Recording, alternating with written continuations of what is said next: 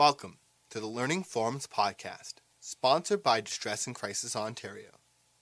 Learning Forums offers programs specifically designed for DCO member organizations. This podcast is meant to inform, educate, and support your work. Enjoy the program, and we welcome your comments and feedback at learningforums.ca slash contact with the subject podcast.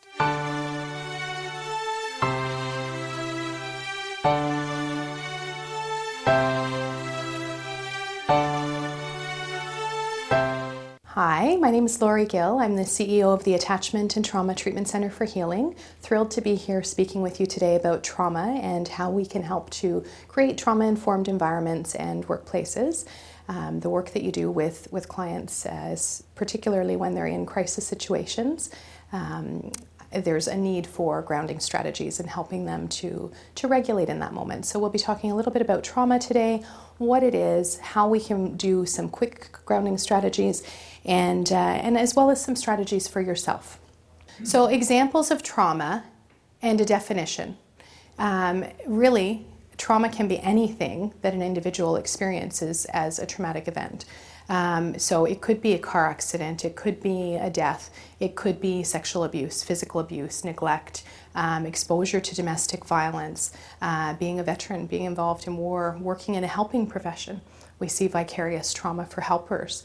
Um, we see compassion fatigue symptoms for caregivers who are providing care for par- parents or um, children in their lives that perhaps have extreme needs.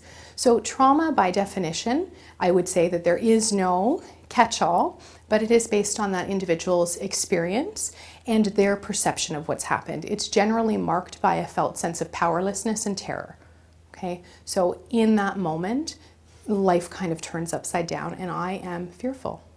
Okay, my, my integrity, my sense of safety, my sense of uh, being okay and secure is threatened. When it comes to nightmares, because a lot of people talk about nightmares and having trouble falling asleep, one key feature of trauma is that generally those nightmares tend to be of self fleeing. Okay, so being pursued, trying to escape, trying to get away. So if you're talking to somebody and they're talking about nightmares and, and things that keep them up, I'd ask about the theme. If it's bereavement related, it tends to be about the other person um, and their loss. Okay. If it's trauma related, it really tends to be I'm just trying to get away from something. And I'll have clients when we talk about it say, well, it's not what happened to me though. No, it's not, but it's still at that subconscious level, that fear, that terror, that something's coming, something's going to happen, that foreboding, and that's really distressing. Um, so, sleep is a very dysregulating time, which is why we may see an increase in calls coming in at nighttime because it's hard. It's hard to slip into sleep when you don't know where your dreams are going to take you. So essentially, we approach trauma from the perspective that it's a sensory experience. We know that uh, it occurs in the sensory part of the brain and in the body, um, which means when we're looking to regulate it, we also need to target the body, which is the nervous system and using all of our senses. Um, symptoms that we may see presenting um, could be common ones that we hear of, such as hypervigilance, of reoccurrence uh, of thoughts or intrusive images. Um, but we may also see things that present as um, differential diagnoses or something else. So that it may look like attention deficit disorder, it may look like oppositional disorder, um, it may look like um, suicide ideation. So um, just to, to give you some familiarity, um, for example, we may have somebody who has that heightened startle response, and a client will say, You know, I feel like I'm going crazy because they're not familiar with the fact that this is a common symptom of trauma. So when a client is coming in and saying, You know, I'm my husband, every time he walks in the room, I'm jumping and I'm thinking, oh my gosh, there's something wrong with me, I must be going crazy.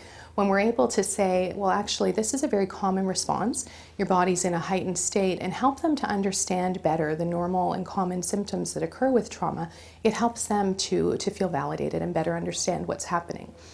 Um, so, what we'd like to do is raise a little bit of awareness around what some of those common symptoms are and how you can help regulate in the moment. Um, and uh, we do that with kindness, with compassion, with validation, which we know that you do as part of your regular role, anyways. Um, but it's particularly important for people who have experienced trauma because their reactions are not something that they understand why they're happening either. So when we have these heightened responses, when we have people who are responding. Um, you know, in manners that seem exaggerated for circumstances, quite often that's because they're in this fight or flight mode and everything is heightened. Their senses, um, so you know, when you're speaking to them, it can sound like you're yelling. If you're touching them, it can feel like a push. Um, literally, every sense is heightened in this experience uh, when we're in a trauma state. So we really want to look at how do we regulate the nervous system? How do we calm that?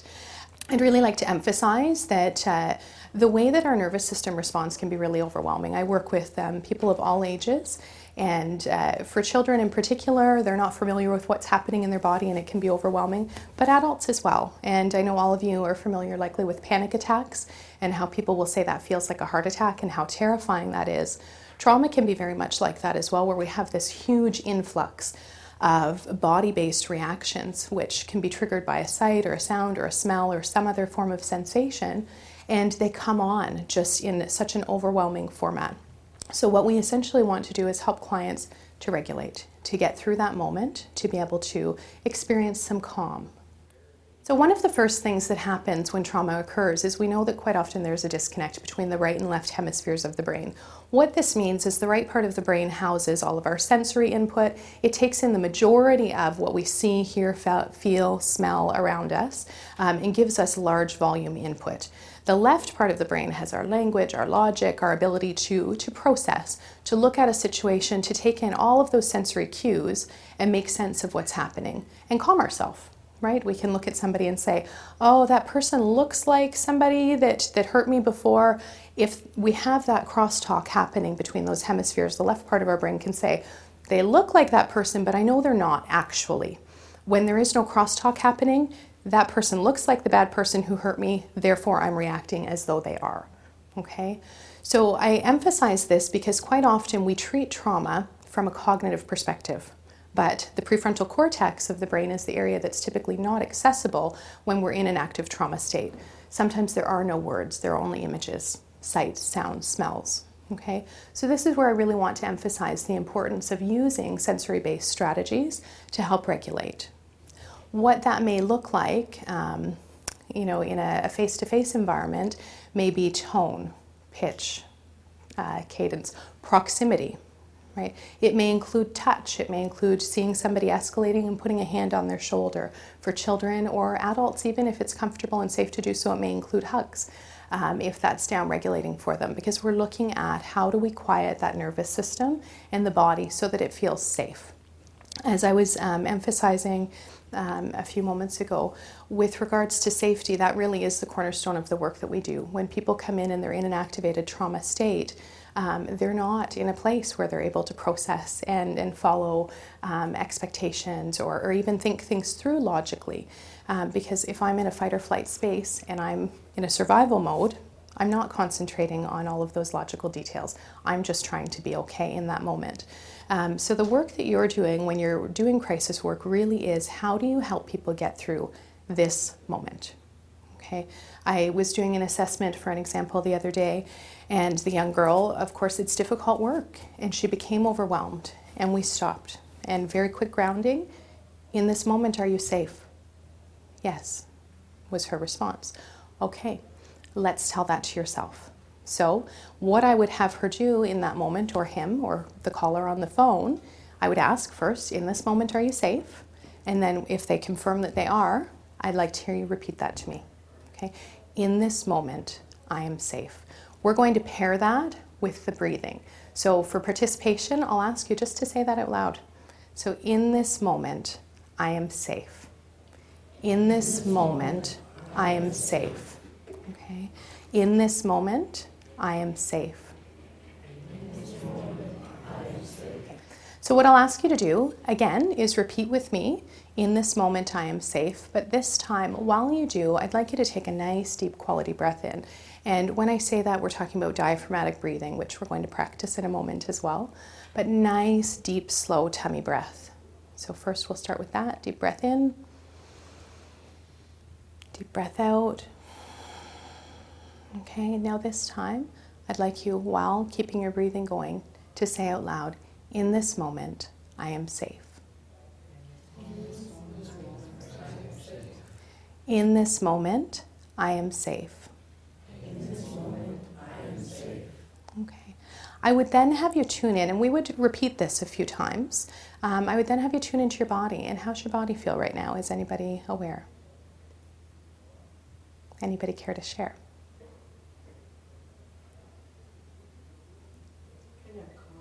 Mm-hmm. And it does generally have a very regulating effect. So we know diaphragmatic breathing is the fastest way to stabilize the brainstem. It sounds so easy. It is relatively easy. Um, our breathing speeds up, right? And we want to ensure that we're regulating the nervous system when we slow things down, when we slow down our tone, um, our pitch, the, the frequency of how we're speaking, and speak in a very gentle manner it's called co regulation, it's right brain to right brain communication. And when I'm talking to somebody and I'm gentle and I'm slow, it helps to bring their anxiety levels down. Okay, it helps them to co regulate. Similarly, if I were to start escalating, we can also help people escalate really quickly. Then we're essentially co dysregulating together. And that's not what we want on a crisis line. So essentially, when we do this, we want to draw attention to first off, let's notice the body. Okay, let's notice that in this moment, are you safe? Are you okay right now? If they're not, then there's safety planning around that, which you are all well experienced in. If they are, it's helping them to tell themselves that. And speaking it out loud with intention allows the brain to process that. Pairing it with the breathing regulates the body. So, when we're working with trauma, essentially what we want to do is help co regulate. We want to focus on some of that right brain to right brain communication, connecting um, with the client that we're working with through using sensory feedback, adjusting the tone of our voice, the, the volume of our voice, um, proximity if we're in a room with the individual, um, the breathing, the rate that we're talking. So if we're talking really, really quickly, we can increase that, that kind of anxious state. If we're talking really loud, we can increase that, that escalation. We want to work with clients to help calm. When they're calling, they're in crisis. So we want to help soothe and downregulate. Um, generally, people operate within a, a window of tolerance, and this is Pat Ogden's work. Um, when we're, we're in that optimal zone of calm arousal, we deal with the day to day stressors. Our, our arousal level kind of goes up and down, it ebbs and flows throughout the day. And for the most part, that's okay. We, we adjust to that when we have the capacity to do that. Um, for some individuals, when that arousal level gets too high, they go out of that zone of comfort um, into hyperarousal. Okay, and that's too much. Now, that can also include excitement. That can include positive things as well, where the energy in my body just gets too much for me to be okay. And then we see people kind of spiraling or, or losing control, where they have um, behaviors that maybe don't make sense, um, or aggression, or um, some other form of externalizing behaviors. We also see that people, when that arousal level gets too high, may go down into what's called hypoarousal. Okay, and at that level, we may see shutting down, we may see numbing, we may see dissociating um, at the most extreme form. So, the young girl that I was speaking about earlier, when that arousal became too much, she would shift, right? And it was the eye contact shift, the voice dropped, the facial features dropped. So, for her, she would go into more of a freeze or a shutdown response. So, we're going to do something to stimulate and help help her to again regain kind of comfort and calm in that moment. So, the diaphragmatic breathing, again, is a fantastic tool for helping to regulate the body. And, uh, and it's also good for you when you're talking to a client and you're doing that, coaching them through that breathing. If you're actually engaging in that process with them, you're regulating yourself. And before we ever respond to somebody else in a trauma state, we should always take a moment to anchor ourselves. And what that means is, you know, I know you may be sitting, but feel your feet on the ground, right? Take a deep breath in anchor yourself. Notice how you're feeling in that moment because how you're feeling, if you don't intentionally notice that and have awareness of that, that can interfere with, with that call or that can easily have you kind of get sucked into that energy um, where you are escalating with them rather than helping them down regulate.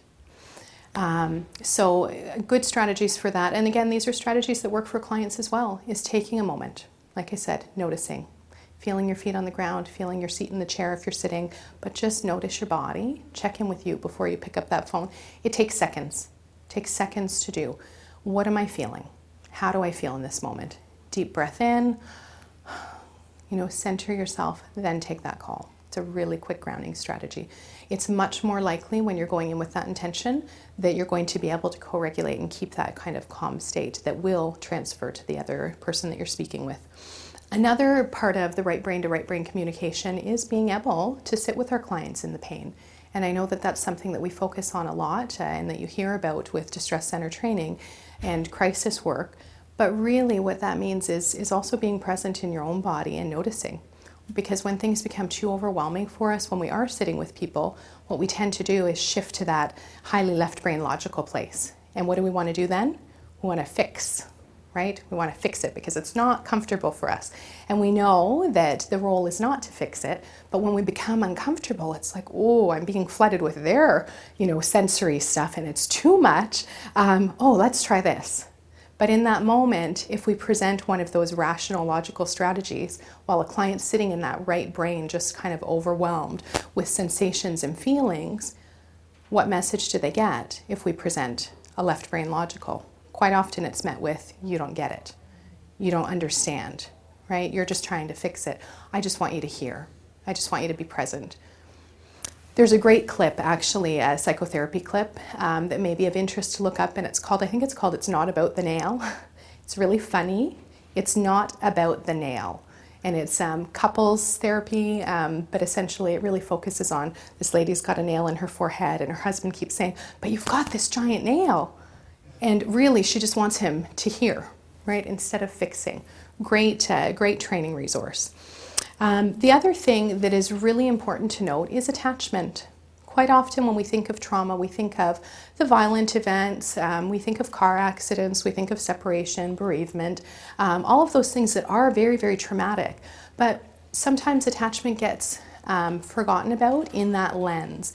It is, uh, out of the work that we've done, probably the most pervasive out of the work that, uh, or experiences that people can have. In that attachment is a human need right? We're born primed for connection and attachment and we will seek it out because it's a primary need. We'll seek it out at any level that we can.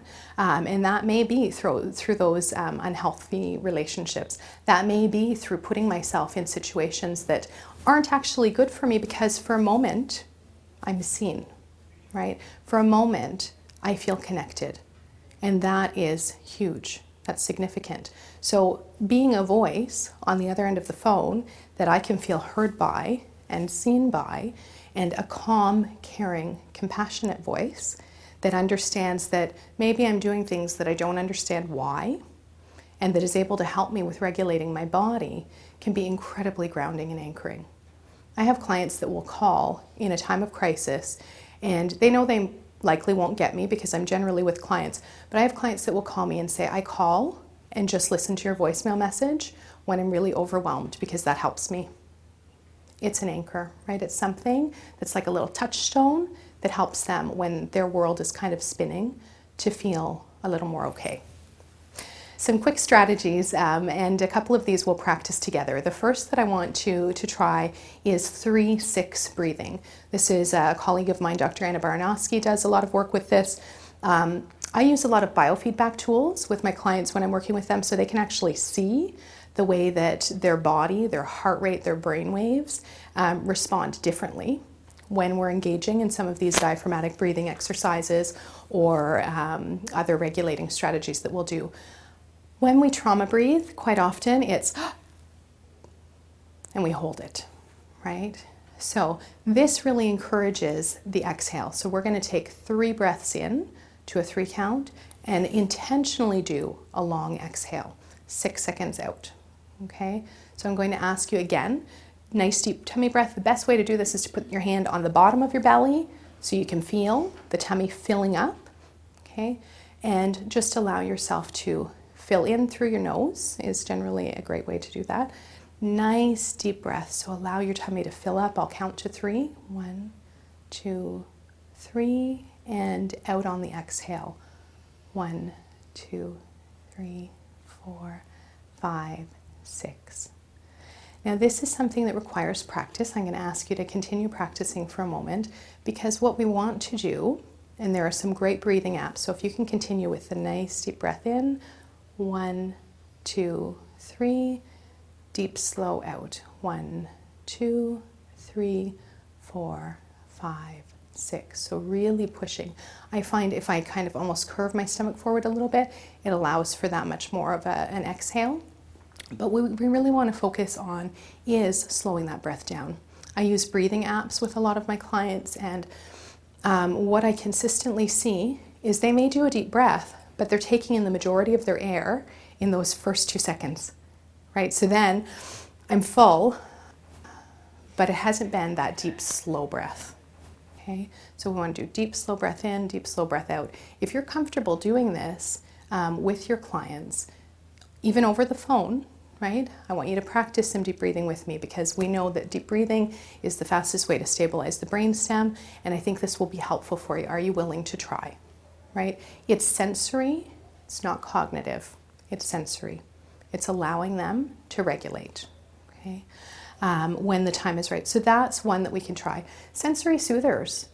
I do um, comfort kits with quite a lot of my clients, but helping them to identify our senses are so powerful. What are the things that help them to feel calm? This is our sights, our sounds, our smells. You know, it may be uh, using lavender oil, something that has a soothing scent. Um, when we have urges to binge or cut or engage in suicide behavior or drink, and I've used these very successfully with addictions, uh, eating disorders, cutting behavior, suicide ideation, it's an impulse right? We know it's an impulse. We know that when people have that suicide ideation and the ones who survive will say in those moments when I actually thought I was going to die, what? I didn't want to die, right? It's like, a, oh, wait a minute. They just want their pain to be done. It's overwhelming. Trauma can be excruciating pain. They just want that pain to be done. Sometimes my one client says it's relentless. He says, You have no idea how relentless it is. No, I don't but we can help them to ride through that impulse. So, one of the ways we do that is through sensory distraction. Okay, so it is through using strong scents or smells or tastes to, to overcome that urge. And what it does is it just bypasses, it just um, kind of confuses that sensation that's there and allows us to get to our thinking brain to say, wait a minute, this isn't what I really want to do. I have a client that, uh, when going through addictions treatment, actually used like uh, candied hearts to overcome his addiction to heroin. Pretty cool. Not always the best thing that I would suggest because then we can have a sugar addiction um, quite commonly, but I would say something like candied ginger. I don't know about most of you, but I don't find it to be that pleasant, but it has that nice strong taste, right?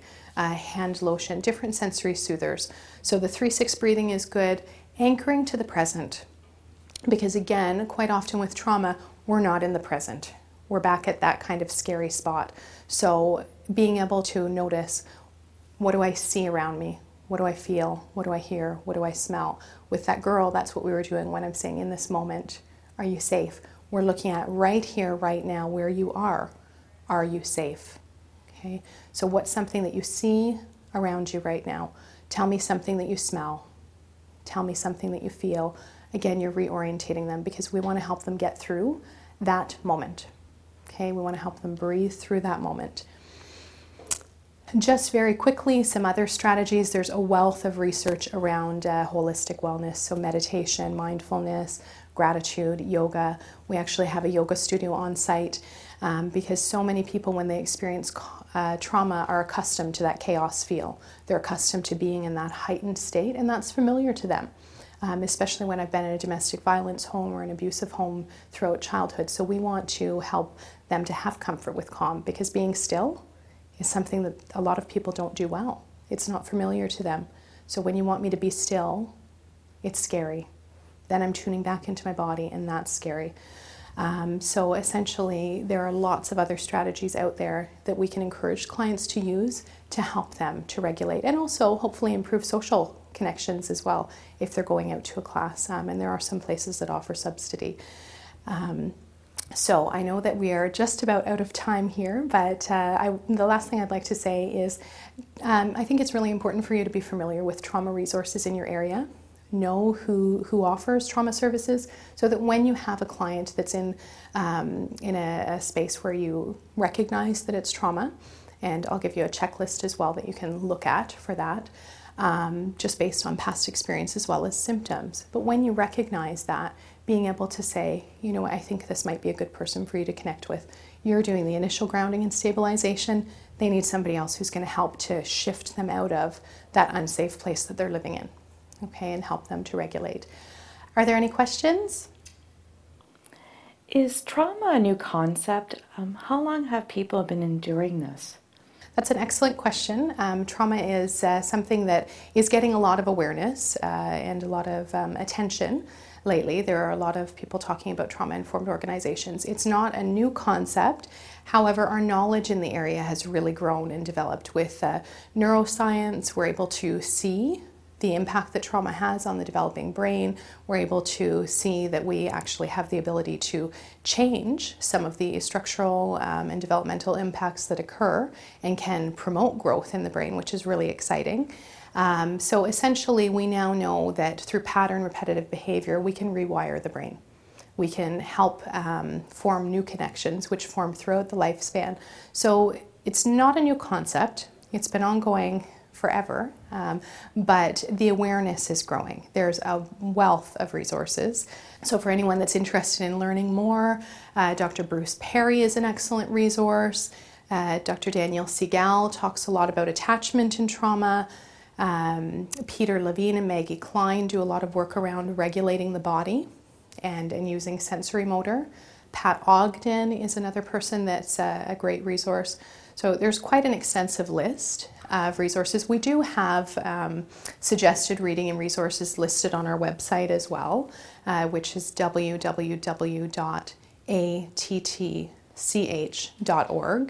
And there's also a section there that talks about what are those common trauma symptoms, what to look for, and how to help. Okay, but great question, and it is really exciting to be able to see um, the the shift in focus, and uh, and the biofeedback tools are a great great uh, mechanism to use to measure that as well. So thanks very much. It was lovely to be here. Hi, I'm Damien, one of the editors of the DCO Learning Forums podcast. Over the past year, we've been busy converting our Learning Forums series of videos into podcasts and thinking of new ways to continue delivering new and more in depth content.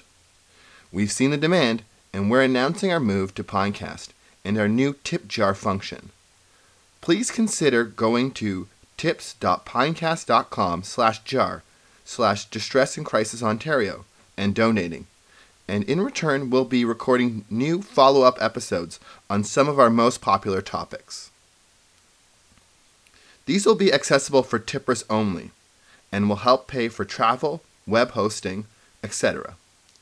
For the interim, you'll still be able to access existing content on both on both the Pinecast and Fireside feeds for free, but eventually we'll be making the switch to Pinecast. Thank you for your understanding.